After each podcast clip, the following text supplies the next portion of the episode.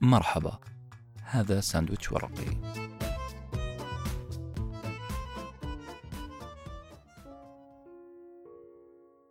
من يصدق أن جدتي تعمل بمبدأ مبتكر في ريادة الأعمال؟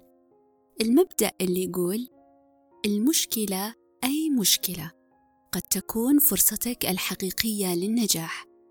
نعم جدتي التي لا تتعدى قراءتها كتاب الله وكتيب الأوراد اليومية طبقت أمام عيني وحرفيا ما تدعو إليه أستاذة جامعة ومتحدثة مشهورة على منصات تيد متى وأين وكيف اكتشفت أنا هذه الميزة في جدتي؟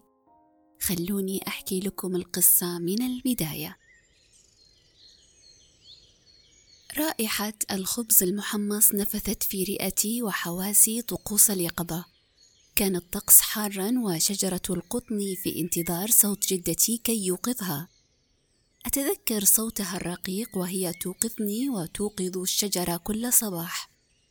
صوت أشبه بتنبيه الكافيين في أول رشفة من قهوة الصباح صوت رقيق منعش يشعرك بأن الجو ربيع وما خفي خارج عتبة الباب أعظم حيث تقف جدتي هناك أمام العتبة مثل حسناء تطل من الشباك على مزرعتها.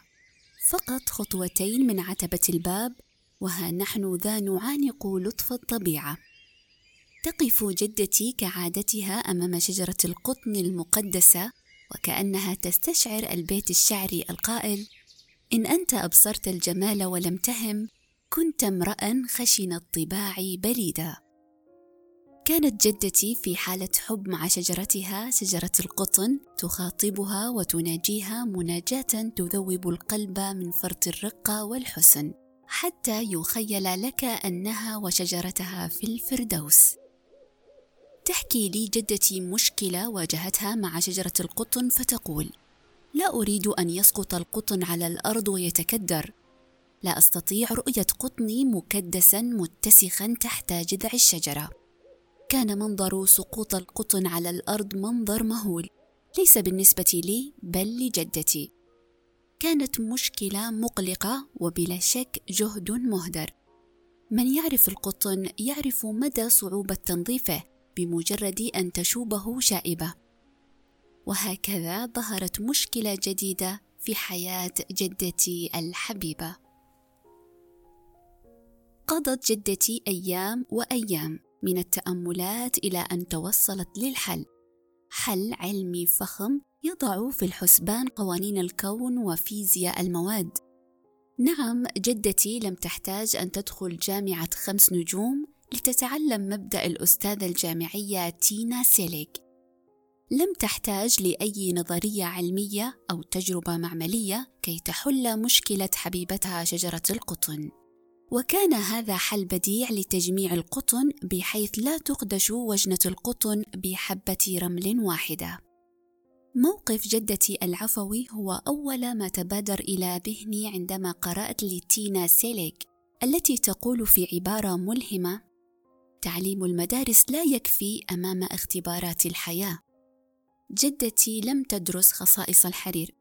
لكنها بتجاربها تعلمت بأن الحرير لا يمتص الغبار ابدا لكنه يمتص الحرارة أعلى من غيره من الأقمشة. وبذلك فالحرير سيحمي القطن من الغبار وفي نفس الوقت سيساعد في جفاف القطن بشكل سريع. المشكلة التي واجهت جدتي جعلتها تفكر بشغف لإيجاد الحل. وهنا لب ما تقوله تينا سيليك في كتابها ما وددت أن أعرفه وأنا في العشرين.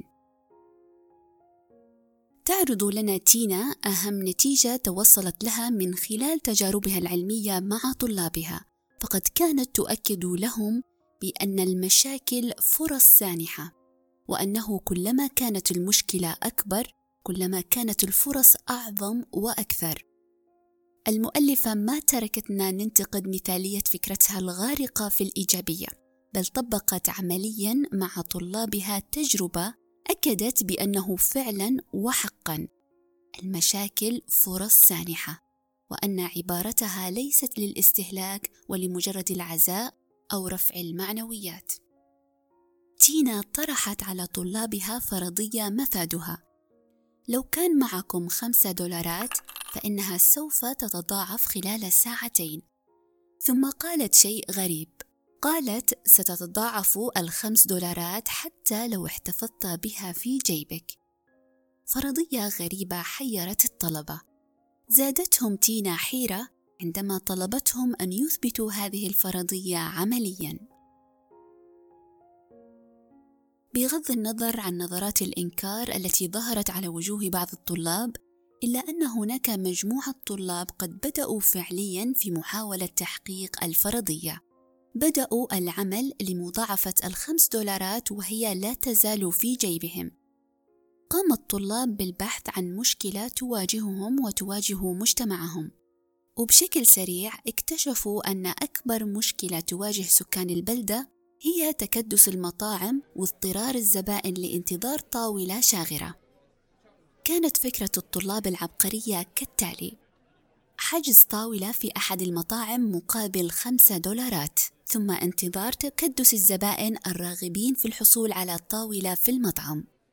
ولأنه لا يوجد شاغر يقوم الطلاب بعرض الطاولة التي حجزوها سلفا مقابل عشرين دولار. وهكذا اكتشف الطلاب أن مشكلة تكدس المطاعم قد تكون حل عملي لاستثمار المال. مشكلة ضاعفت رأس المال ثلاث أضعاف وبدون جهد يذكر. المشكلة قد تكون فرصا حقيقية إن أغلى ما تملكه قد لا يكون خمسة دولار بل أنت تمتلك ما هو أغلى بكثير من المال أنت تمتلك أذنان ساحرتان تسمعان للمشكلة وهي تصرخ بك قائلة: تعال واستكشفني، أوجد لي حلول ثم استثمر في هذه الحلول. نعم المال مهم بل مهم جدا، لكنه ليس الأساس. الأساس أن الفكرة المبدعة والعقل المفكر من خلفها هي التي تميز أو تنجح أي مشروع.